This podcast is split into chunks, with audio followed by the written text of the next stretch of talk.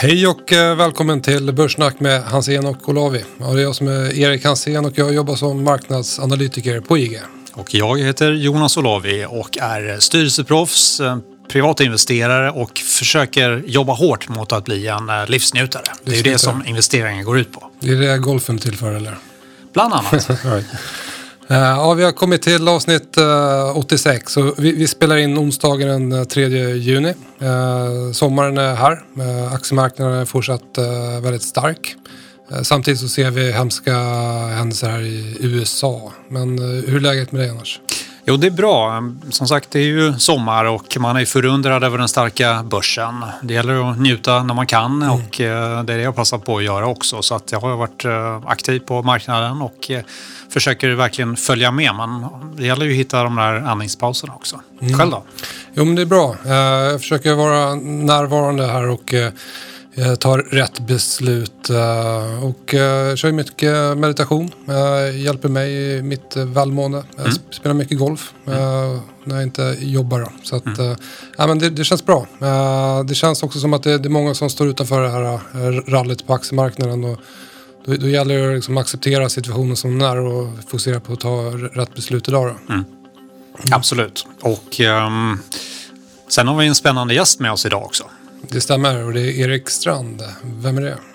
Han är förvaltare på AUAG Fonder som han har varit med att mm. starta och eh, väldigt intressant profil. Han har varit med tidigare. Då hade han en annan fond som han skötte och det ska bli väldigt spännande att uh, lyssna på Erik den här gången för han har bra koll på råvarumarknaden och framförallt på ädelmetaller. Mm. Så vi ska försöka gräva lite djupare där och se vad det finns för utsikter, inte bara guld utan jag vet att det finns en annan ädelmetall som han ser stor potential i. Så mm. Eh, det ska bli väldigt intressant att höra lite grann om när han tror att inflationen tar fart. För centralbankerna eldar ju på ordentligt här nu. Mm, verkligen.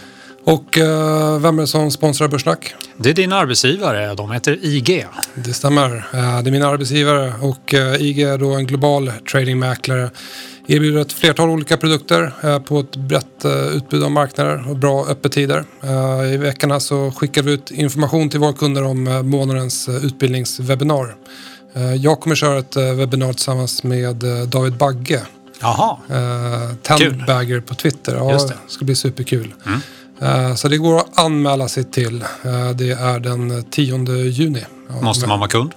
Man måste ha ett eh, konto på IG. Mm. Eh, så att eh, jag kan skicka med en länk till anmälan där i poddbeskrivningen då, så man kan klicka sig vidare och anmäla sig till det. Mm. Och då kommer jag och David snacka lite grann om marknaden. Och jag vet att han är en väldigt uppskattad twittrare. Absolut. Det ska bli jättekul att få prata med honom under ett webbinar där. Mm. Spännande. Men jag tycker vi kör en sedvanlig market update. Mm, det gör vi. Då kör vi.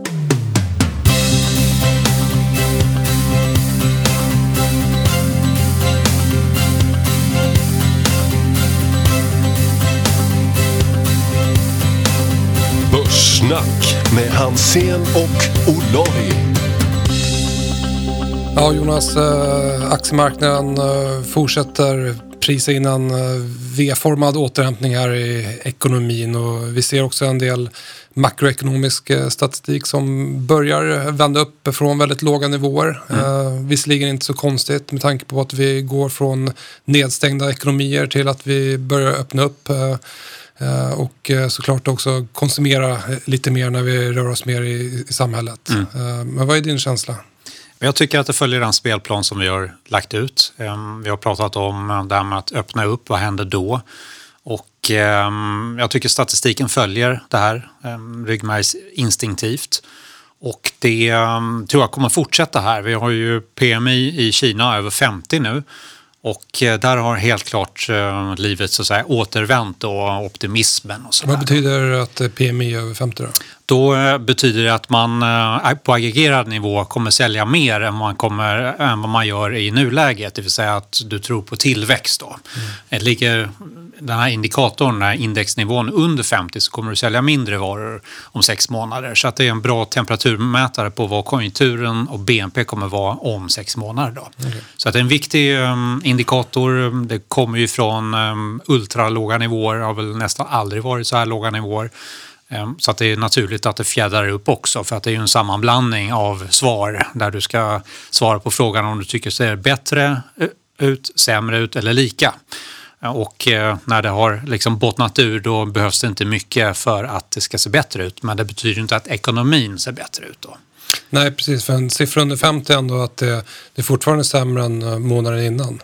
Eh, Så att eh, även om de här inköpschefsindexerna vänder uppåt så bör det inte betyda att det är eh, tillväxt. Nej, precis. Exakt. så det är det ganska- gäller att skilja på det där då. Precis.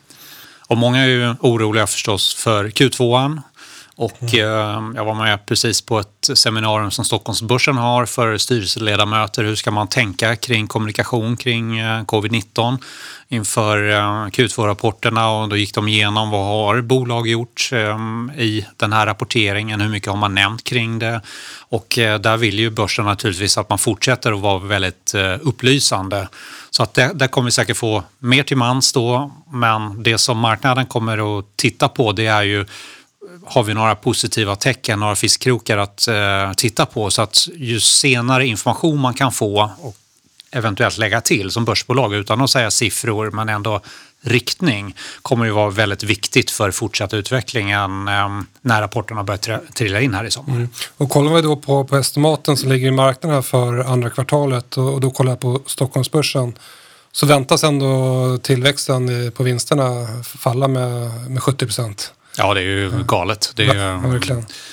katastrof. Eh, och sen då om man kollar på årsbasis eh, helåret för, för 2020 så väntar vi att eh, mm, vinsterna faller med drygt 20 procent. Och sen väntar sig marknaden här att vi får en tillväxt på 30 procent under 2021. Mm. Så just nu så prisar marknaden in en återhämtning i både ekonomin och eh, konjunkturen och eh, där har ju verkligen aktiemarknaden handlat på, på senaste månaderna. Mm. Eh, och det är inte konstigt att vi får de här eh, fiskkrokarna i de här makrodata. Men, men frågan är ju hur konsumtionsmönstret eh, kommer att se ut Absolut. här, framgent. Då. Så det, det är väl den, den, den stora frågan Mm. i dagsläget. Och tittar man på den här flashdata, väldigt kort data, det vill säga hur folk rör sig, åker man eh, kommunalt, eh, bilar och så vidare, så säger inte det så mycket om konsumtionen. Då. Så det kan ju vara så att många har ju behövt läsa på hur det varit i andra pandemier, då, spanska sjukdomen som hade, eller spanska sjukan som hade tre vågor då. Och den andra vågen, den andra pucken, var mycket större än första. Ehm, och det är klart att om man som ehm, konsument och arbetstagare och kanske permitterad nu så är det väl inte det första man gör det är att köpa dyra kapitalvaror och, utan man sparar helt enkelt. Vi har sett sparkvoten stiga rejält eh, i USA, eh, runt om i världen. Och det är väl frågan om de pengarna kommer att komma i spel på kort sikt. Så kanske man måste skjuta till lite helikopterpengar för att få igång det då så att säga. Så att mm, eh, företagen inte går i konkurs då. Och, och då är frågan så här, men är den här uppgången på aktiemarknaden eh, rimlig? Eh, är den logisk? Ja, jag vet inte. Men jag tycker också samtidigt att det är, det är sällan som aktiemarknaden är logisk. Jag tycker ofta aktiemarknaden den springer före, den överreagerar både på upp och eh, på nedsidan. Eh, Sen brukar jag alltid gå också den vägen som flocken eh, inte navigerar efter. Det var, det var väldigt få som navigerade efter att vi skulle få den här starka V-vändningen. Då. Eh, Så att söker man efter logik så tror jag man ska byta jobb eller intresse för att eh, aktiemarknaden är sällan eh, logisk. Nej, så är det. Och det är rationellt att vara med i en bubbla. Det gäller bara att veta när man ska sälja av då. Precis. Ehm, och tittar man på spekulationsindex, jag följer till exempel BCA som, som tittar på aggregerat för USA, så är den nere på väldigt låga nivåer. Och det säger då att det är inte så många aktiva förvaltare som ehm, tar spekulativt positiva positioner utan de hellre sitter på händerna. Då. Och det är klart att de har portföljer som åker upp precis som alla andras eh, i det som de har placerat men de är inte aggressiva i marknaden. Tvärtom så är de väldigt, väldigt försiktiga. Då. Det rimmar lite grann med fondförvaltarenkäten där från Bank of America Merrill Lynch. Mm. Som visar att eh, genomsnitt och globala fondförvaltare har väldigt stora kassanivåer. Mm. Eh, men vad, vad tror du anledningar till att deras spekulationsindex eh, ser ut som det gör? Jag tänker att det här är professionella investerare och eh, på sätt och vis så är det lite politiskt korrekt att vara försiktig nu med tanke på hur ekonomin ser ut. Det är väldigt många som är permitterade som eventuellt kommer att komma ut i arbetslöshet. Då. Och det har vi inte riktigt testat för det har gjorts på så stor global nivå. Så att de här dynamiska krafterna kan vara större än vad centralbankerna mäktar med. Då.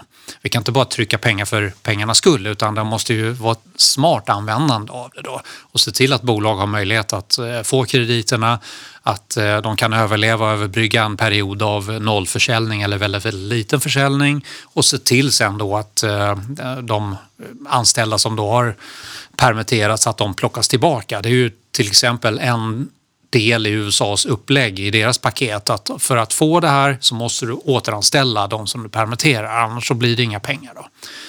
Eh, men helt klart är det så att det är en stor skillnad mellan den institutionella världen och den ja, mer privata investerarvärlden. Då. Och det är klart att det finns ju stora risker. Vi har ju Kina-USA-konflikten eh, den känns ju som eskalerar dag för dag. De är inte alls sams på några eh, sätt och det här blir ju en, en eh, viktig pusselbit i eh, valet. Jag tror att Mr Biden han kommer ju också ha synpunkter på Kina för att stryka de väljarna med hår som kanske har köpt Trumps budskap då. Och sen kan man ju också tänka sig att ju högre index går i USA, vi har ju Nasdaq på Nästan nivåer. Det är ju, ja, exakt ju högre de är desto mer eh, så här, skydd har ju Trump. Han kan passa på att gå på marknaden eller gå på de han tycker ska gås på och sen så får man en sättning i marknaden därför att indexen har kommit upp. Så han är ju väldigt mån om den här bufferten som han har att spela med. Då. Därför är han ju alltid väldigt så här, snäll och schysst och kommer med bra inspel när det är hängigt. Då. Mm. Eh, sen är det ju så att där, vi kan ju få ett större återfall i, i sjuka Eh, i takt med att man öppnar upp de här eh, så att säga, nedstängningarna. Men att det då ska återigen spilla över till kraftiga nedstängningar. Det var svårt att se. Vi hade ju ett experiment, i, eller experiment, vi hade eh, faktisk händelse i Kina där alla i Wuhan, där utbrottet då eh, började, testades och ehm, det var ju i princip inga nya fall då. Så ehm, där kan man ju säga att där, där var man kanske lite för över, ja, överförsiktig helt enkelt. Då. Ehm, och sen är det klart så att alla de här hjälpsummorna de kanske inte når de som behöver pengarna. Och ofta är det ju de som bor i städer som kanske inte har liksom, den största summan pengar eller röra sig med. Då. Så att det är mycket obalanser som gör att det förmodligen är ganska politiskt korrekt att vara försiktig om man är institutionell förvaltare. Då. Mm, verkligen. Uh, och uh, köp till sillen, uh, sälj till kräftorna. Är det någonting som du gör nu? Nej, um, jag bryr mig egentligen inte om säsong på så vis. Nej. Men um, jag vet att det inte har varit en framgångsrik strategi. När jag var på Nordea så räknade jag på det. Vad har du fått fram? Mm. Nej, men jag, jag skrev lite grann om det i, i dagens uh, morgonbrev. Just den här gamla börsdevisen. Uh, och det betyder att uh, sommarmånaderna brukar vara starka. Uh, våra kunder har ju tillgång till ett program som heter Pro Realtime och då kan man väldigt enkelt uh, backtesta olika strategier. Och då, då testade jag att köpa då första handelsdagen i juni uh, och sälja då i första handelsdagen i september.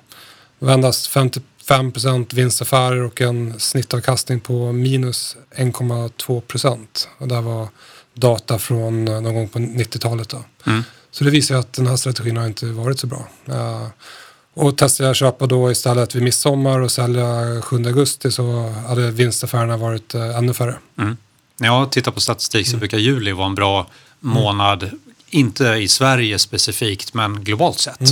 Sen så brukar det bli lite lugnare då. Då mm. finns ju en regel som heter Sell in May and stay away and don't get back until St. Ledger's Day. Och St. Ledger's Day, när är det? Vet nej, du? Nej, men det är väl någon gång där i september. Precis. Ehm, avslutas 12 eh, september då. Det är ju ett race, eh, en galopp då i eh, England som eh, kör som avslutar på sommaren då. Då säger man att mm. då kan man komma tillbaka till marknaden och det har stämt lite bättre då skulle jag säga. Att liksom sommarmånaderna, eller sommarperioden har en lite svagare utveckling. Ja, för framförallt eh, augusti brukar vara en svag månad. Även september brukar vara rätt svag svagt. Mm.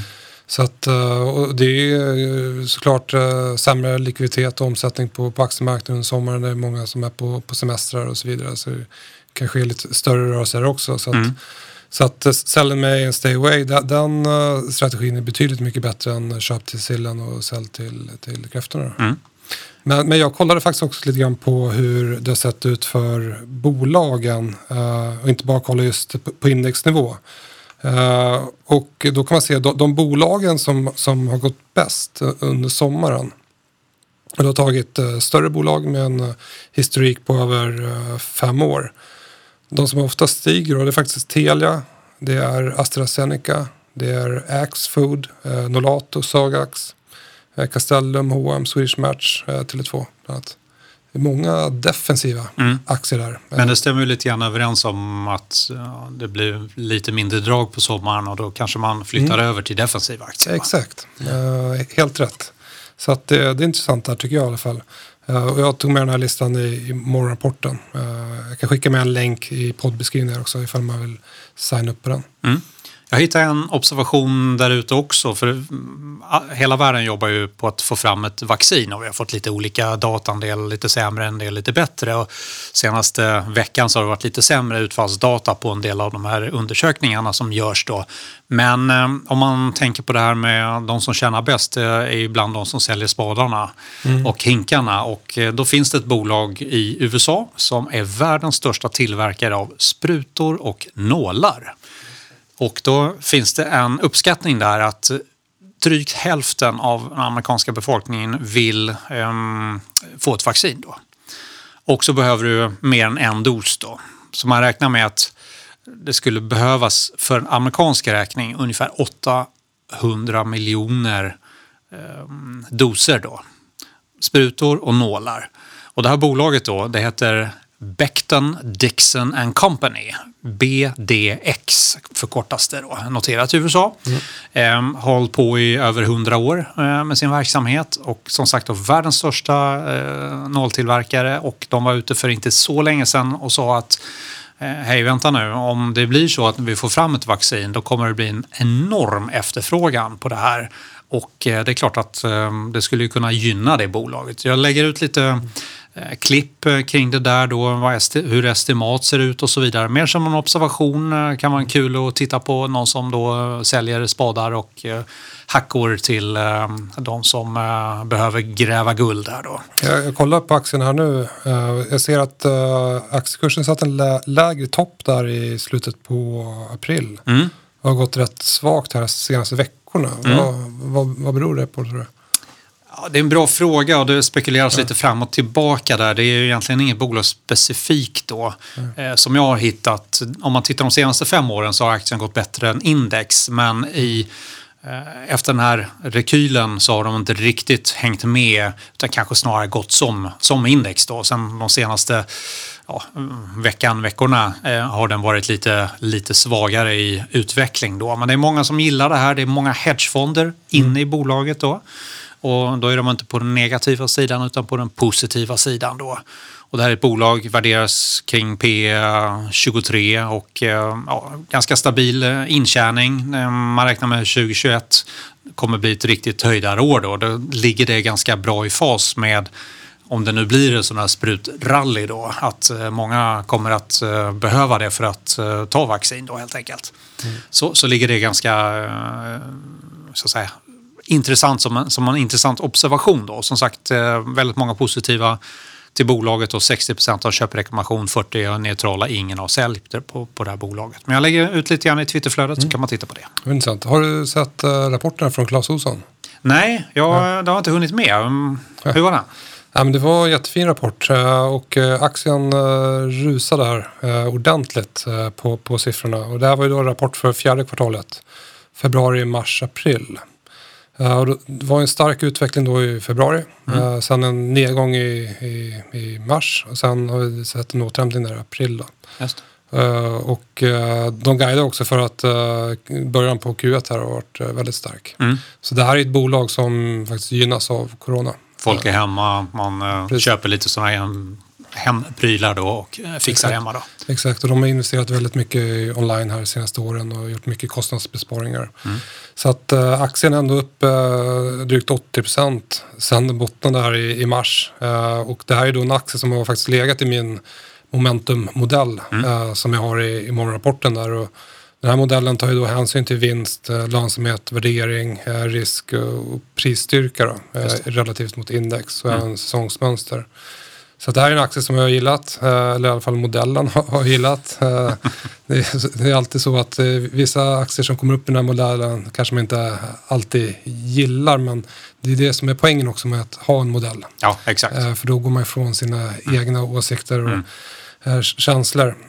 Så att, och koll- koll- kollar på värderingen här, framåtblickande P tal ligger kring 11. Mm. Eh, Så att trots att aktien stiger kraftigt här så är värderingen fortsatt eh, låg. Mm. Eh, Och det är för att vinsten såklart har, har ökat. Då. Så att, Mm. ja, Clas Ohlson tycker jag ser fortsatt intressant ut. Mm, intressant. Så fick jag ett litet tips av John Authers. Han är journalist på Bloomberg. Han var länge, länge på Financial Times och en av de mest uppskattade kolumnisterna. Och han eh, har ju ett morgonbrev som bland annat du har tipsat om också. Points of Return. Som jag tycker att man ska abonnera på. Det kostar ingenting. Och eh, hans eh, tanke och idé med det där är ju att varje dag är en liten ja, tanke kring vad han tycker och tänker. Och han är ganska bäsig, det ska jag säga. Men han är också ärlig. Han vänder på argumenten och okej, det, det här skulle också kunna hända. Han har varit väldigt bassig senaste tiden tycker Ja, faktiskt. Och eh, kanske politiskt korrekt, jag vet inte. Men en sak som man faktiskt har lite rätt i och det är att titta på bolag om man då tror på att det blir en mer V-formad utveckling på konjunkturen. Då, då ska man titta på bolag med svaga balansräkningar. Och eh, jag kan också lägga ut det här chartet då, starka balansräkningar, svaga balansräkningar och eh, eh, mot index då. Och då kan man ju se att de bolag som har gått bäst under den här återhämtningen, det är de med starka balansräkningar. Men om man får en liten catch-up-effekt där när man inte längre bryr sig om eh, risken i bolaget så att säga för att man tror att de kommer att överleva, då blir det en catch-up-effekt som förmodligen innebär att de här med svagare balansräkningar kommer eh, gå bättre. Och då har jag ingen lista på det här utan då får man sitta och göra ett hemjobb själv. Man går helt enkelt lite längre ut på, på riskskalan och Exakt. plockar upp eh, de bolagen som man kanske har gillat men kanske inte vågat gå in i tidigare. Exakt. Och sen en annan sista observation där som jag har, det är ju oljepriset. Eh, Men Det blev händer? inte samma katastrof kring VTI-hanteringen av kontrakten eh, vid utgången i förra månaden. Då. Det rullades över snyggt och fint och många har undvikit den rullningen också genom att välja andra löptider. Då. Eh, Men om man tittar på oljepriset, då tänker jag nu på Brent, så ser det ut som om det här gapet, ehm, Den var ju uppe på 44, sen gappade den ner. Eh, nu ligger den på 40 då och försöker liksom komma ikapp då. Känns som de här 10 procenten borde kunna slutas givet att vi har ett lite mer optimistiskt scenario och det stödjer till exempel oljebolagen. Så till exempel att Lundin Energy fick en köpreklamation idag och den ser precis som oljepriset eh, lite pigg ut också. Mm.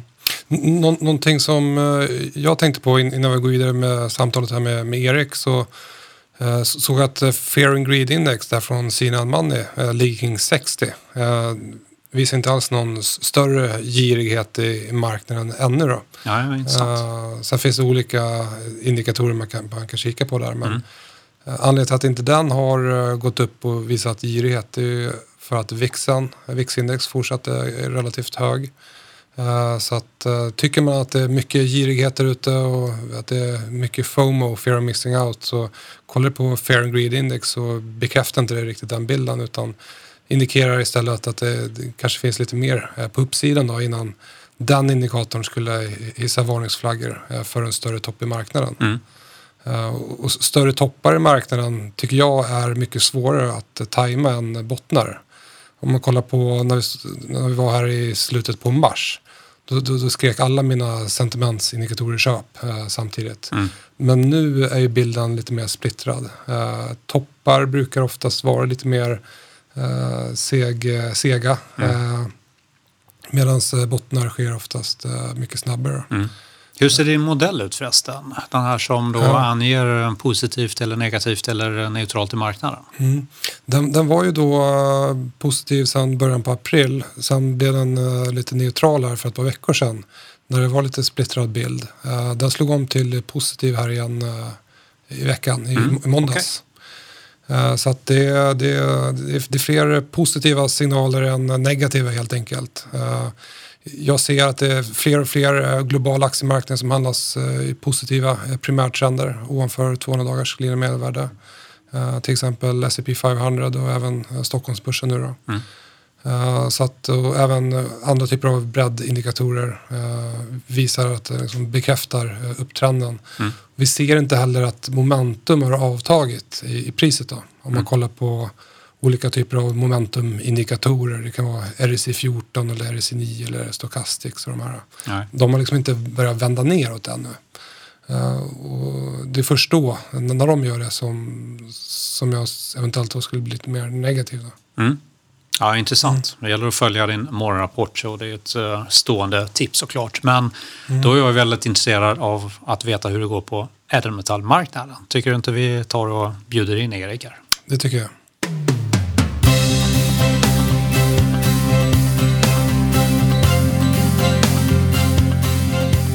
Ja, varmt eh, välkommen till Börssnack, eller varmt välkommen tillbaka till Börssnack Erik. Eh, du har ju faktiskt eh, varit med i podden förut. Men kan du inte berätta lite grann för lyssnarna vem, vem du är? Ja, Erik Strand som sagt, fondförvaltare idag. Skapat min femte fond, har den sjätte på gång också. Som inte är live än, men så att finansvärlden har det varit hela livet och annars håller jag ju på att träna mycket. Just nu är det varit yoga de sista tio åren innan dess. I mina yngre år så var det fäktning som gällde som idrott. Så det var lite kort om mig. Mm. Ja, och du har, alltid, eller du har, du har länge varit intresserad av centralbankspolitik och som jag förstår det så var det på den vägen som du också blev intresserad av ädelmetaller och, och guld. Eh, hur, hur kom det sig att du började intressera av centralbankerna? Ja, man kan ju säga så här. Jag fick ett intresse för guld och silver lite innan eh, finanskrisen. Men så kom ju finanskrisen och eh, helt plötsligt så eh, ökade ju Fed, Federal Reserve sina balansräkningar något extremt. Nu är det inte så extremt längre för nu har det blivit ännu värre. Men, men då var det extremt och man, jag började fundera på hur, hur ska det här sluta och vad kommer hända framöver och Eh, vad är pengar? Och börjar man fundera på vad är pengar och hur pengar blir till så märker man att det är väldigt, väldigt komplicerat och eh, man inser att eh, det finns inte så mycket pengar i systemet som vi ser på våra konton och saldon vilket gör att man snabbt blir lite orolig och jag brukar säga idag att guld och silver är ett, ett skydd mot icke så att säga sunda finanser. Och hade vi haft sunda finanser på alla nivåer i världen så hade vi inte behövt guld och silver som investeringar. Men eh, det har vi ju inte och därav blir guld och silver intressant och då ihopkopplat med eh, skuldsättningar och eh, Federal Reserves och andra centralbankers agerande. De här massiva stimulanserna med oerhört mycket pengar eh, i omlopp då. Hur hänger det här sambandet med inflationen ihop? Ehm, kommer vi få se en inflationsuppgång och när kommer det ske i så fall? Och är det någonting vi ska vara oroliga för och kanske till och med skydda oss emot? Eh, jag tror, om man nu tittar på inflation, att inflationen har blivit lite feltolkat. Det som vi kallar för kanske prisinflation är ju på varor och man har tagit bort väldigt mycket när man mäter inflation. Så att jag vill ju ta fram begreppet monetär inflation också så att man ser Eh, ja, vad, vad 100 kronor aktier, hur mycket aktier fick man för 10 år sedan? Eller 20 år sedan och hur mycket får man idag? Eller hur mycket fastighet får man för 100 kronor? Hur mycket guld får man för 100 kronor? Så att vi inte bara räknar Coca-Cola och eh, bananer och tv-apparater utan där ser man en monetär inflation som inte har slått igenom som en prisinflation. Och eh, där tror jag att det är viktigt att få upp ögonen för den förändringen. För den här prisinflation kommer ju från andra saker och det som har hänt mycket är att det här som man mäter M2, farten på pengar, det har ju gått ner extremt. Så vi har ju väldigt lite omsättning på pengar. Men den monetära inflationen, eh, eller då tillgångsbubblan som man säger, det är ju motsatsen till den monetära inflationen. Eh, där är det ju full fart så att eh, det är lite svårt att mäta, bara prata om inflation som prisinflation. Mm. Hur, och hur ser kopplingen ut mellan just guldpriset och inflationen om man kollar historiskt? Eh, man kan säga så här att eh, inflation, alltså, guldpriset går ju bra med inflationen. Eh, eller innan inflationen. Man ska liksom sälja guld när inflationen toppar och centralbankerna höjer räntorna kraftfullt för att ta bort inflationen eh, för att då inte få en hyperinflation utan man vill stoppa det som Folker gjorde 1980. Man då gick från 10 till 20 procent och sen stannade på 16 procent ganska länge. Där, bröts ju då. Där hade ju guld gått upp för mycket i, i sin euforiska fas eh, på hela 70-talet och slutet av 70-talet. Eh, och då, som sagt, då hade det gått upp för mycket och då fanns det stort utrymme att gå ner. Eh, men det var det och det är det som ska till nästa gång så att säga. Man ska, att guldpriset ska få alltså, en nedgång. Mm. Så att, eh, det, det hänger ihop med inflation. Men eh, guld har också varit ganska okej okay i deflation. Inte om man jämför med pengar men om man jämför med andra tillgångar. För att även i deflation eh, så har guldpriset gått ner men det har gått ner mindre än annat. Och ibland så är det vad förvaltning handlar om också. Kan du också berätta lite grann, för sist du var med här i podden så pratade du om eh, guldpriset och eh, kopplingen till eh, realräntan i USA. Att eh, framförallt riktningen på realräntan i USA brukar sätta trenden på, på guldpriset. Och det har vi också sett här de senaste ja, tio åren. Eh, kan du berätta lite grann kopplingen där mellan just eh, guldet och realräntan? Ja precis, det är ju, det är ju realräntan som är viktigast och Återigen så blir den ju lite svår att mäta nu. Den ena faktorn, inflation, är ju, är ju då svårmätt idag. Eh, men det kommer nog dröja länge innan vi har en pos verkligt positiv realränta. Eh, och det är väl knappast önskvärt heller från eh, i och med att vi har skuldsatt oss så mycket och det, enda sätt, det finns ju bara tre sätt att bli av med, med skulder egentligen och det ena är ju en skuldförlåtelse vilket sällan fungerar för då går ju alla andra på andra sidan i konkurs. Eh, och det andra är ju att eh, att eh, en inflation helt enkelt. Det är ju det man brukar köra på att eh, ha försöka ha en hög inflation för att få bort skulderna. Någonstans måste vi då nå, man, ett drömläge vore ju att ha, de hade 4-5 procents inflation och, på, och noll ränta på skulderna men eh, så att de får bort skulderna ändå. Men eh, jag tror inte vi kommer se en positiv realränta på länge och det, det är ju väldigt gynnsamt för en guldinvestering. Om man tittar på, förutom då centralbankspolitik och realränta, finns det några andra faktorer att ta hänsyn till? Eh, vilka tittar du mest på för att få en vägledning eller en karta om framtiden? Då? Ja, vi har ju ett mycket, eh, alltså det korta spelet är ju som Erik är väldigt duktig på mycket, alltså det är ju mycket teknisk analys, eller det händer ju mycket där, eller många aktörer som agerar på, på teknisk analys när, när priset går igenom sina 50 dagars snitt eller 200 dagars snitt om det är nerifrån upp. Alltså då kommer ju nya köpare, eller när det bryter ner så, så kommer det mycket säljare. Så att, eh, och sen så når det ju överköpta nivåer och, och översålda nivåer. I grunden skulle jag säga att det egentligen det är inte det som driver priset i grunden men det driver ju priset kortsiktigt eh, fram och tillbaks. Och sen så har vi haft eh, en lång period där affärsbanker, commercial som de heter, har varit inne och haft eh, använt Comex som är råvarubörsen Eh, i USA som en liten spelarena för att eh, tjäna pengar och det har inte varit kanske jättebra för priserna alltid. Och hur, hur, ser de, eh, hur ser den positioneringen ut idag där? Om man kollar på just kommersiella aktörer. Eh, ligger de väldigt eh, nettokorta i guldet då eller hur, ser det ut? Eh, man kan säga så här. Vi har, vi har haft tio år där JP Morgan har dominerat det här helt och hållet som den största aktören. Och som sagt, de har styrt, kunnat styra priserna och ganska nedpressat, särskilt då ett silverpris. Men nu har de positionerat sig väldigt långa fysiskt, JP Morgan. Eh, och det som har hänt det sista året som är väldigt intressant nu det är ju att JP Morgan var inte nettokorta på något sätt längre, nästan dratt sig ur. Och eh, det är de andra commercial storbankerna som sitter fast med korta positioner sedan sommaren eh, 2019 när vi fick den här prisuppgången och de bankerna har inte lyckats ta sig ur positionerna så att de sitter med typ med 70 miljarder i orealiserade förluster. Eh, och det är ju intressant om de, eh, hur, hur, hur de ska ta sig ur det här om de ger upp den här eh, matchen för då får du ju en short squeeze. Eller om de lyckas på sitt sätt få ner priserna, kunna köpa tillbaka sina korta positioner och ta sig ur detta. Men de sista 10-11 åren så har det ju aldrig hänt att de har suttit fast på det här sättet. Så att de är i en utsatt situation.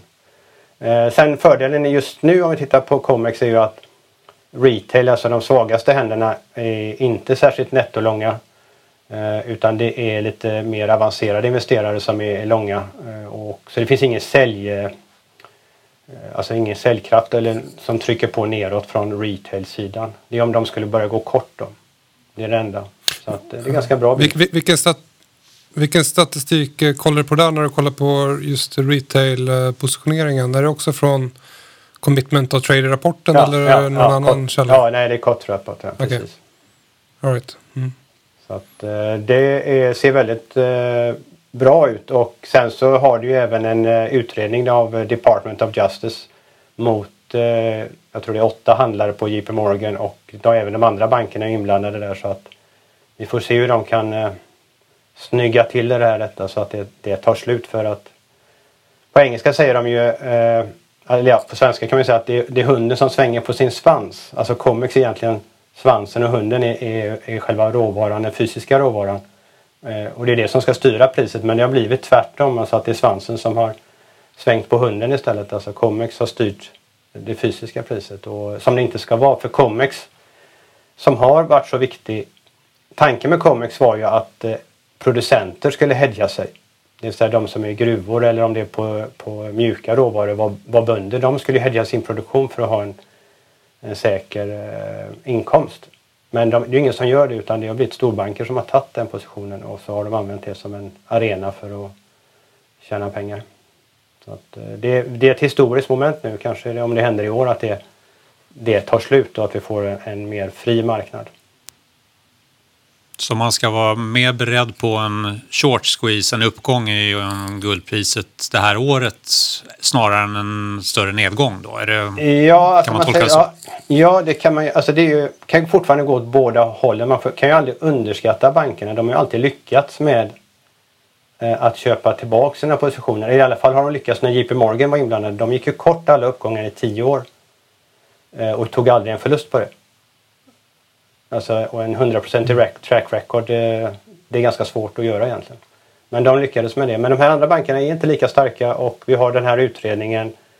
Eh, och får vi slut på det så måste de ju på något sätt ta sig ur eh, sina positioner och då, då får vi en short squeeze på detta. Så det är väldigt intressant. Kan man se, eh, du pratar om monetär inflation, bitcoin och den, alltså blockkedjevalutor. Kan det bli ett hot mot ehm, ädelmetaller i uppfattningen att det uppfattas som säkert eller säkrare än fiatvalutor då, sådana som har centralbanker som eh, använder det som trycka mest sedlar som de bara kan. Tror du att vi får se det inom en, ja, ett antal år, whatever, fem år eller någonting? Jag skulle väl säga så här att eh, jag, jag är intresserad och tycker om blockchain-teknik. Eh, och för mig handlar det mycket om transferering av pengar eller transferering av, transferering av information som är den moderna, eller det moderna infrastruktursområdet. Eh, sen att göra egna valutor eh, ser jag väldigt svårt att det skulle ha ett värde i sig. Alltså även om du kan bara göra 21 miljoner bitcoin så kan du göra bitcoin 2 och bitcoin 3 med, med lika många. Så det finns ju inget stopp. Och kanske att tekniken är lite en egen motståndare. Att du, kan ju alltid, du gör ju alltid en snabbare och säkrare eh, krypto. Och varför ska man då eh, jobba med en som är långsammare och mindre säker? Och när det gäller krypto så måste man ju hela tiden öka säkerheten för att eh, den dagen vi har kvantumdatorer så knäcker de ju de flesta koder. Eh, vilket gör det, jag tror det blir väldigt svårt att få att de, de blir valutor. Däremot vill ju kanske Ryssland göra en e-rubel som är en... Men den ska inte vara värd mer än en rubel. Utan det är ju hur den transfereras i systemet. Och att det är väldigt intressant för Ryssland att göra det för att de vill kunna bli fria från Swift-systemet. Eh, där alla transfereringar i princip sker och där USA äger det och kan då styra sanktioner och, och, och så att säga stänga ute ryska banker eller andra aktörers banker. Och, eh, det är väl det vi kommer se att eh, USAs eh, dels har de ju världsvalutan dollarn eh, och dels eh, så har de då ägt Swift-systemet som har styrt alla transfereringar av pengar och eh, där tror jag eh, hela blockchain blir väldigt viktigt eh, i fråga om transferering. Mm. Och det är samma sak med en e-krona. Om vi har den så tror jag inte den blir mer värd än en vanlig krona.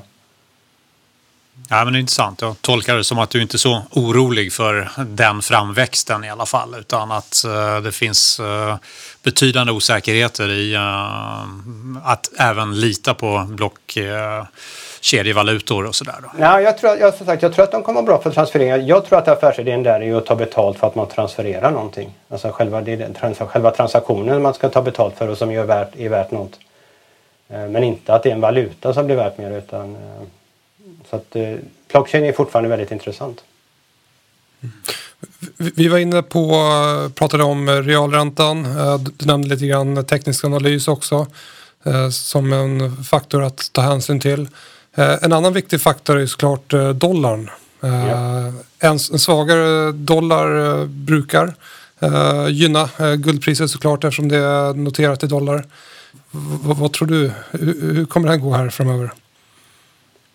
Men man kan väl säga så här att det, det hänger ihop. Eh, guld prissätts ju i dollar så att när dollarn stärks så blir ju guld dyrare för europeer och för asiater. Det blir inte dyrare för amerikanare. Så att det blir ett visst motstånd när dollarn eh, stärks för själva guldpriset. Eh, men man ser ju också långa perioder där de går ihop, alltså båda går upp. Så att det, det finns ingen eh, korrelation som är minus ett så att säga utan eh, de gör det under vissa perioder går de upp båda två i vissa fall så, så eh, Alltså dollarn går ju ofta starkt för att de andra valutorna är ännu svagare. Då är det inte på en ren, då är det ingen riktig dollarstyrka så att säga. Det är väl det vi har sett här senaste året i princip. Jag menar dollarn har ju varit väldigt stark samtidigt som guldpriset har stigit. Eh, men då för, förutom eh, positionering, teknisk analys, realränta, eh, dollar. Vad är det för fler faktorer som du brukar studera? Alltså det som är ännu intressantare, man kommer kanske då in på, på silver också. För silver är ju, är en dubbel, har en dubbel funktion. Det är ju både en monetär, en valuta i systemet och en extremt viktig metall i vår värld. Vår värld är ju byggt på metaller, på grundämnena och deras egenskaper. Eh, och silver har ju väldigt intressanta egenskaper då det är det grundämne som leder el och värme bäst. Eh, samtidigt så är det en metall som eh, inte reagerar särskilt mycket med andra ämnen. Det är därför de heter ädelmetaller. Och sen så är silver både böjbart och hållbart samtidigt. Så att man använder ju silver Eh, dels för att leda energi då i datorer, mobiltelefoner, solceller. Eh, men man använder det i alla switchar i bilar och som sagt eh, och sen när vi har trender som elbilar så behöver du tre gånger så mycket silver som i en vanlig bil. Så i all high tech och även då i green tech så blir silver väldigt viktigt. Och samtidigt så är det så att du använder ganska lite silver. Och det är det som gör priset, priset så intressant då för att eh, om du investerar i priset på silver för att även om det skulle tvådubblas, tredubblas, fyrdubblas priset så blir slutprodukterna inte särskilt dyra. Så eh, eh biltillverkarna eller mobiltelefontillverkarna eller solcelltillverkarna de behöver ju ändå ha silvret. Och om datorn kostar 10 000 eller den kostar 10 100 kronor för att silverpriset har gått upp det ändrar inte. Liksom det, det är eh, icke-elastiskt så att säga. Om man säger, olja är ju ett väldigt elastisk eh, råvara där blir priset för högt så minskar eh, förbrukningen eller konsumtionen och då kommer priset ner. Eh, men så lär det inte bli i silver och eh, vi närmar oss en silverbrist. Det finns inga silverlager kvar. Eh, och på silver kan vi då få en fysisk brist. Eh, det kan vi inte få i guld. Allt guld som har tagits upp finns ju kvar på jorden. Eh, allt silver finns också kvar men det finns inte som några reserver utan eh, man får ta det som kommer upp i marken just nu för att fylla där behovet är. Och får du en fysisk brist så vill ju alla tillverkare, om det är bilar eller datorer, snabbt ha sitt lilla egna lager för annars kan de inte göra sin bil eller sin dator eller telefon. Hur ser gruvcykeln ut på silver? Finns det mycket nya gruvor um, i drift eller som kommer att öppnas eller är det ganska svagt med tillförseln just nu? Ja, man kan säga så här att eh, det som är intressant just i gruvbolagsbranschen är ju att de toppade med, efter, med guldpriset var ju, och silverpriset 2011. Eh, sen har de ju haft en kraftig nedgång i både i pris på bolagen eh, vilket gjort att de var lite vidlyftiga då vid 2011-tiden. Där, och, och sen så har det gått ner. Aktieägarna har sagt att ni måste liksom eh, ha bättre finanser i bolagen så de har liksom blivit lite lean and mean som vi säger. Eh, Medan andra bolag i många andra sektorer så att jag har ju lånat på ganska friskt, friskt och de här har egentligen då fått göra tvärtom. Eh, och man har inte kunnat satsa på några nya utvinningar så att eh, det är väldigt tajt i sektorn. Det är svårt att hitta nya fyndigheter. Eh, så man börjar ju se en större M&A, alltså merger acquisitions, alltså ett uppköp, vilket också driver prisen på bolaget. Det är väldigt intressant. Eh, och sen när man eh, gruvbolag är ute efter en råvara säger vi som de får ju aldrig bara en råvara utan letar de helst efter guld så får de ju silver också och då blir det en byproduct eller letar de efter koppar så får de också upp silver och de tar ju upp det men det är inte, deras, det, är inte det som är drivkraften för att eh, ha mer eh, drift. Så att eh, det finns ganska få som har en hög andel silver. Det finns ett antal då fokuserade silver miners. Eh, och det är de som får störst incitament att öka sin produktion om eh, silverpriserna blir väldigt höga. Men eh, de största kopparproducenterna är inte säkert de höjer sin produktion för att få upp mer silver som byproduct. Så att eh, även där är det väldigt intressant då just på de, fok de focused, fokuserade silverminers. Uh, de, de, här argumenten kring silver de har man ju liksom ändå hört ett, ett tag tycker jag. Jag. har själv väntat på en uppgång i silver ganska länge men mm. tycker ändå att priset är, liksom, har liksom inte tagit fart eh, som förväntat. Vad, är det någonting som har förändrats här senaste liksom, månaderna som har liksom förbättrat caset eller är det samma argument som man hade för ett år sedan? Ja, alltså grundcaset är ju lika starkt och sen klart, nu har ju alla case, jag tyckte inte de behövde bli starkare när det gällde så att säga monetär inflation och skapandet av krediter och skulder men i och med det som har hänt nu mm. så har, har det ju blivit extremt mycket, mycket starkare men eh, det som har varit är just det här att eh, vi har haft storbanker som har styrt marknaden och eh, hela tiden gått kort marknaden, tryckt ner priserna på Comex samtidigt så, som JP Morgan idag är den, har enorma fysiska innehav. Eh, så den dagen de vill att priset ska gå upp så kommer de att göra en enorm vinst. Eh, och det är väl det de så att säga eh, kommer göra en dag. Men vilken dag det är, om det är imorgon eller om det är om ett år. Mm. Det är de som styr det. Mm. Någonting som jag noterat är att uh, många ädelmetaller brukar gå väldigt starkt i, i början på året. Uh, januari, februari uh, framförallt, framförallt där. Uh, vet du vad anledningen är bakom just här säsongseffekten under inledningen på året? Har du koll på det? Ja, det är klart, alltså, man får ju alltid ett säsongsmönster hur, hur det än blir. Om man, så är det med statistik mm. och mars, juni och oktober är ju de tre dåliga månader när man gör en sån, sån statistik. Så att, eh, okay. att, att ligga lång från augusti till februari är väl liksom en eh, om man nu bara tittar historiskt så har det varit väldigt bra. Eh, det som vi brukar ha stort på hösten, när vi nu pratar augusti-september, där kommer ju den fysiska smyckesmarknaden in.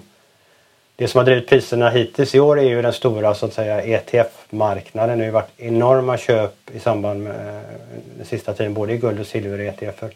Medan den, den eh, smyckessidan har ju varit svagare med tanke på, på Corona. Eh, och den har ju historiskt varit väldigt stark just på hösten då när det är, det är indiska bröllop för det, det, går åt ganska mycket guld och silver där. Och de är ganska många så att eh det förklarar den biten där. Runt årsskiftet så, ja, jag tycker det är ibland svårt att säga om, om mönster, alltså man ska hitta en sanning till ett mönster. Eller om mönstret bara mm. är där för att eh, Juni som sagt brukar vara svag. Jag tror förra året gick det upp så att eh, vi får se hur det slutar. Nu jobbar ju kommerset som försöker, det ser man ju nu de sista igår och idag här att de, försöker, de försöker att få ner priserna för att när de har fått ner priserna så är det de som har köpt på andra sidan. De har fått trendföljande fonder att sälja och sen så har de köpt upp de så att säga, positionerna och eh, vi får se om de lyckas. Mm. Hur, hur, ser ut, utsikten ut för eh, platina och palladium? Eh, ja, det är ju också två ädelmetaller och det som är intressant med dem tycker jag det är ju vad de har gjort för vår omvärld. Eh, för det är 31 år sedan så blev det lag på en sak i Sverige och det var på katalysatorn. Och katalysatorn kanske är en av de saker som har gjort mest för vår luft i storstäder. Eh, för alla vet hur det är att stå bakom en bil som inte har en katalysator eller en gammal moped eller någonting. Det är inte särskilt trevligt och hade alla bilar kört så i 30 år med den mängden bilar så hade det här varit riktigt svart på fastigheterna och katalysatorn har ju tagit bort då 95 procent av allt det här dåliga. Eh, vilket kanske är den absolut största positiva gröna uppfinningen som vi har haft hittills. Okej, vi kanske inte skulle haft bilarna från början men om vi nu ändå hade bilarna så, så är ju katalysatorn och en katalysator kan bara göras med platen eller palladium. Det är de så att säga ädelmetallerna som gör katalysatorn möjlig så att de ädelmetallerna som har räddat vår luft. Eh, nu ska vi lämna eh, bensin och dieselbilar. Eh, det där kanske då silver kommer bli viktigare för silver används mycket i just elbilar. Eh, men tittar man på platina, palladium. Där hade vi ju, vi hade ju en effekt på att dieselskandalen hade vi ju som gjorde att det blev mindre. För platina används i dieselkatalysatorer och palladium i, i bensin och det blev ju väldigt mycket mindre dieselbilar sålda så det blev ju en brist. Eh, eh, men palladium eh, stack iväg och vi hade en, den här dieselskandalen. Samtidigt så har vi då haft strejker i Sydafrika. Vi har haft Ryssland som har dragit ner sin produktion eh, och fått priserna att gå upp väldigt kraftigt där. Men det är ju inte någon riktig, som jag kallar riktig fysisk brist. Eh, strejker försvinner och eh, de här skandalerna försvinner så att eh, den prisdrivningen ser jag som, eh, ja det var en trend men inte så att säga egentligen i grunden rätt, av rätt anledning för att driva ett pris på riktigt. För jag tänker på Sydafrika som är en stor eh, producent av eh, palladium i samband med att landet var lockdown så Eh, antar jag att eh, utbudet eh, måste ändå ha minskat på marknaden. Det borde i sin tur påverkat priset. Ja precis. Alltså, man kan ju säga så här att det är Sydafrika och Ryssland som, som är de stora producenterna. Lockdown, ja. Sen eh, minskade ju efterfrågan på produkterna som det används till också så att det påverkar mm. ju, drar ju ner det lite. Där, blev det ju där var det ju väldigt intressant ska jag säga i, i eh, i, i guld och silver. Alltså vi fick en lockdown, alltså mindre produktion från gruvorna men ett ökad efterfrågan på produkten. Eh, det var en ganska intressant mm. situation där om man säger så. Om vi tittar på eh, dina fonder. När du var ja. med förra gången så hade du en annan fond. Nu har du ett ja. par nya fonder. Kan du inte berätta lite grann om de här och hur du jobbar? Ja, nu fick jag ju möjligheten att starta mitt, eh, eller jag tog möjligheten att starta ett eget varumärke och kunna liksom styra allt så som jag vill och då satte vi upp en ny fond. Den fyller sju månader i morgon. Och eh, det har varit en fantastisk resa. Dels så har det varit väldigt eh, händelserikt med tanke på det som har hänt under de här månaderna. Att det sammanträffar ganska mycket. Eh, så en tuff resa men eh, vi har ju haft en väldigt bra eh, resa upp ur eh, det här så att riktigt kul och fokuset är den här fonden AUAG Silver Bullet som är den aktuella fonden som rullar nu, den är ju en long only fond så att där är det ingen förvaltar så att säga teknik eller taktik att gå in och ur marknaden utan den, den är long only och väldigt long only så att vi, vi är 99% i princip investerade. Uh, så den är lite dum brukar jag säga. Samtidigt så är en fördel med att vara en liten dum fond är ju att investeraren vet vad han köper. Uh, så att, uh, och, Hur gör du det urvalet då när du ska vara liksom lång marknaden? Eh, är det som eh, de som ingår i ett index som du köper eller hur, hur väljer du kandidaterna? Ja. Eh, dels så är det först så att det, i och med att det är en usage-fond för eh, så finns det ett regelverk, alltså 5, 10, 40 regler hur mycket, hur mycket innehaven får väga som mest för att få den spridning man ska ha i en UCITS-fond. Eh, och då har jag gjort det så att jag har fyra bolag som är mina tunga innehav som ligger ungefär på 8 som får, eh, de får drifta 25 då upp till max 10 eller neråt. Eh, och sen har jag min kategori 2-bolag som är nere på 4 procent som också får drifta 25 procent så att de inte går över 5 gränsen där. Och då får jag då ett, ett x antal innehav eh, och så har jag några mindre påläggskandidater också. Eh, och när jag ska titta på dem så eh, Först för mig är det väldigt viktigt att det är bolag som är likvida att handla. Eh, så det är nummer ett. Och jag handlar i princip allt på USA-börsen. Eh, 90-92 procent kanske och 10% 8-10 procent på Londonbörsen. Då. Så att eh, helst i USA eftersom den är så mycket likvidare börs. Eh, sen tittar jag på hur mycket silver de har, alltså relationen till guld. Alltså att de har mycket, en hög procent andel silver. För jag vill ju ha silver miners. Eh, och har de 60 procent silver och 40 procent guld så det, då är det högt. Det är väldigt högt. Så, att, eh, så det, är, det är det som jag sa förut, det är inte 100-0 utan det är 60 procent silver. Så att, där skiljer sig fonden mot de andra guldgruvbolagsfonderna som vi känner till som varit med i många år. Att de har ju liksom mer mot guldgruvbolag som också får upp lite silver men de, de kanske har 80% guld och 20% silver i sin portfölj. Eh, så det är det fokuset på silver.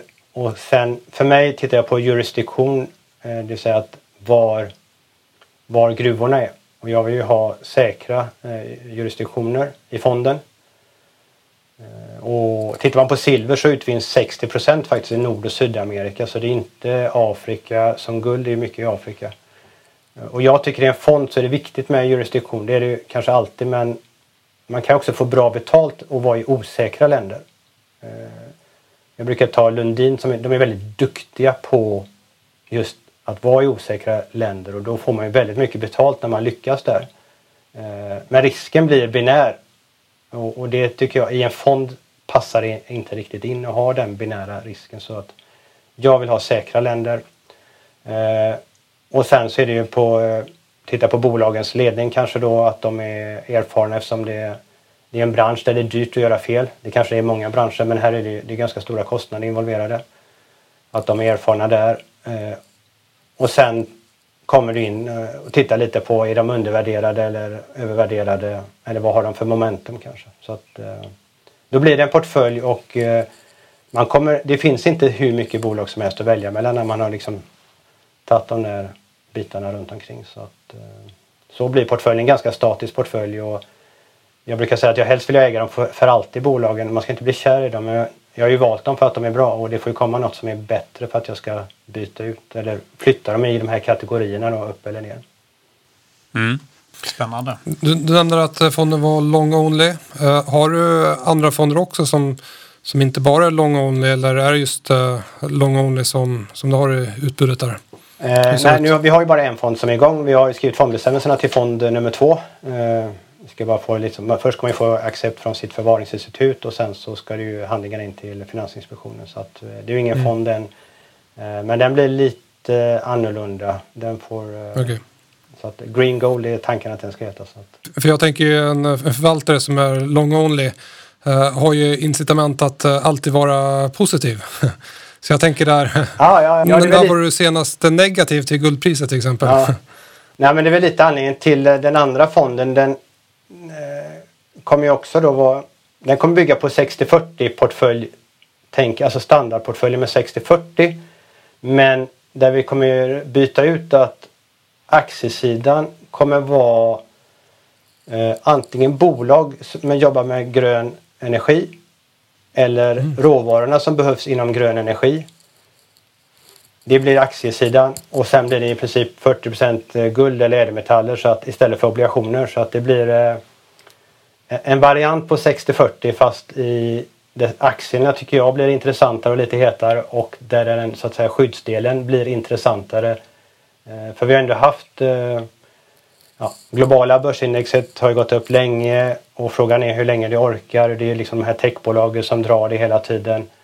Eh, många trötta bolag också. Och, så där tror jag de gröna bitarna blir intressantare, en intressantare trend och får lite mer avkastning på aktiesidan. Eh, men nu tänker inte jag på hållbara bolag som nummer ett utan jag tänker på de sakerna eller som gör, bolag som gör det som behövs för att göra en grön värld. Eh, för jag menar det finns många bolag som har högsta hållbarhetsrating men de sysslar med telefoni eller någonting. Och det är jättebra att de har bra hållbarhetsbetyg men det är inte det som ändrar världen. Det är inte det vi behöver för, för att skapa en grön värld. Då behöver vi de som tar fram eh, råvaran, även om de måste ner i marken och göra det, men att de gör det på ett bra sätt. Men att det är den här råvaran, litium eller vad det nu är, eh, som är viktig att få fram och där vi kanske ser stora prisökningar. Eh, och det kanske är att man ska få in en, en koboltexponering men då vill jag se till att det är ett bolag som tar fram koboltet i, i Kanada och inte att det sker från Kongo så att man får med de, de bitarna. Eh, så ett, lite annat grönt eh, take på den delen. Och, eh, tittar vi på obligationssidan så eh, jag menar, det har vi haft en nedåtgående trend i 30 år och eh, vi måste ju få upp räntorna först för att kunna få en ny sån lång nedåtgående trend. Eh, så då tror jag att guld blir, under de här tio åren blir väldigt mycket intressantare som skydd i den aktieportföljen. Men eh, den, den fonden får bevisa sig. Att de kan flytta sig därifrån, tänker jag då. Att jag, I och med att jag är långånglig som du sa innan. Mm. Att eh, de får möjlighet att eh, kanske, eftersom silverbullet är en väldigt riskfylld och högvolatil fond, att det finns ett, eh, ett lite lägre riskalternativ med lite mer vanliga aktier, även om det är speciella aktier då, men vanliga aktier. Om man är intresserad här, Erik, och det är man säkert för du har många väldigt goda argument. Hur eh, kan man följa det här? Hur kan man få tips när din nya fond är up and running? Har du någon hemsida och har du några utskick och sådär som du kan eh, tipsa om? Absolut. Eh, det är ju auagfonder.se och där finns ju även möjlighet att anmäla sig till nyhetsbrevet som går ut varje månad. Och där finns ju mycket information såklart. Och där hamnar ju alla intressanta artiklar och poddar såklart också. Mm. Så finns mycket Otroligt intressant. Jag såg, såg också att du har haft väldigt medgång i fonderna så jag antar att du får mycket uppmärksamhet här nu. De senaste månaderna har ju fonden gått väldigt, väldigt uh, bra. Ja. Uh, så stort grattis till det och med dina fortsatta äventyr. Det kommer väldigt spännande att, följa dig framöver, Erik. Ja, väldigt kul. Så, få vara med och prata, och prata caset. Och även svara på frågor. Jag vet att det var en del mer tittarfrågor på Twitter och så vidare. Vi försöker svara på dem på något sätt där också kanske. Absolut. Vi tar det. Ehm, och jag tycker att du har eh, gett mycket förklaringar ehm, på de Twitterfrågor som vi har fått in här. Så jag tycker vi vi rundar av där och tackar dig så hemskt mycket. Ja. Jättekul att du var med och eh, vi kommer eh, följa dig noga framöver och eh, du är aktiv på sociala medier också så att det går att följa dina tankar i, i, i realtid nästan. Så att stort lycka till Erik. Ja, tack, tack. Stort tack.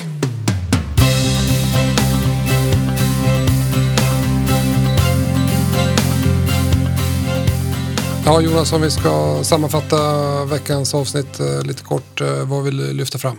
Fortsatt stark börs. Eh, tveksamma institutionella investerare.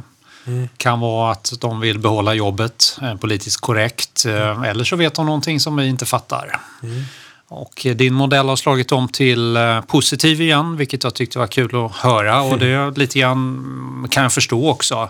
Det är lite mer ehm, så att säga, spekulativt köp i eh, bolag som kanske inte riktigt har hängt med. Det blir stora reaktioner när minsta nyheter kommer. Det brukar vara symptomatiskt också för det här liksom mm. FOMO scenariet. Så att eh, kul, kul att se där. Eh, men som sagt lite naggande oro för att det är mycket som fortfarande kan gå fel.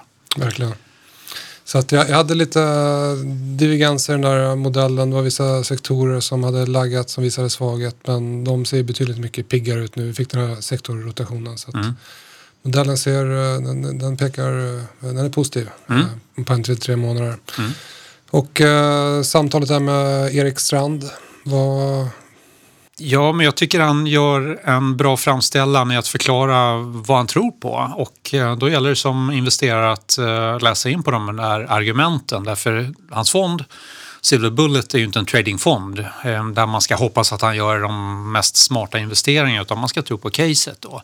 Och jag tycker att det ligger mycket i det som är positivt. Sen kan det vara mycket som eh, en del tillskriver en domedagsprofetia och det tar lång tid innan så här, stora saker händer. Men det går ju inte att ta ifrån honom att han har ett ganska starkt case då i silver då framför allt som han mm. ju pratade om snarare än guld. Men han har ju koll på ädelmetallsidan då. Vad tog du med dig? Nej, men jag tyckte det var intressant att höra där eh, resonemanget kring hur eh, kommersiella och eh, icke-kommersiella aktörer agerar på främst guldmarknaden men även silver. Mm. Hur bankerna i främst USA då, sitter på korta positioner, nettokorta vill ju att priset ska falla. Så enligt honom så är marknaden lite manipulerad av bankerna. Mm. Vi får se här hur, hur, om bankerna får rätt till slut eller om, eh, om de blir squeezade. Mm. Det blir intressant att se. Ja, verkligen. Sen tog vi med några observationer. Vi hade ett eh, nålföretag som man kan titta på om man tror på att eh, man får fram ett vaccin då. Becton Dixon Company. Och, Ticker eh, du hade också, BDX. BDX, ja. Mm.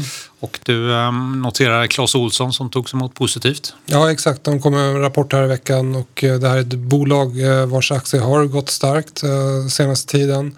Och eh, då brukar de eh, fångas upp av min Momentum-modell. Just det. Eh, så den har ju legat där ett tag i den modellen. Mm. Och det finns massa andra intressanta bolag där mm. i den modellen som man kan kika på. Jag lägger ut det här i mitt morgonbrev. Mm. Om man inte har signat upp på det så kan man göra det i länken i poddbeskrivningen. Mm, tycker jag absolut man ska göra. Och sen så hade vi en liten reflektion kring bräntpriset där mm. som borde kunna stänga det här gapet och den, den rörelsen är ungefär 10 procent. Vi noterar också att Lundin Energy har precis fått en ny eh, köprek. Jag kommer inte ihåg vem det var ifrån här och aktien svarar upp men de flesta oljebolag är ju lite mer pigga nu givet att vi har en FOMO-känsla i marknaden så att eh, oljeaktier skulle kunna vara intressant att titta på. Men eh, kom ihåg, det här är observationer, inga rekommendationer. Och eh, vill man veta mer om Erik Strands fond, AUAG Fonder, så går man in på hemsidan och läser på och utvärderar om det kan vara någonting för ens placeringar. Med de orden tycker jag vi eh, hälsar alla en god helg och ta hand om Trevlig helg.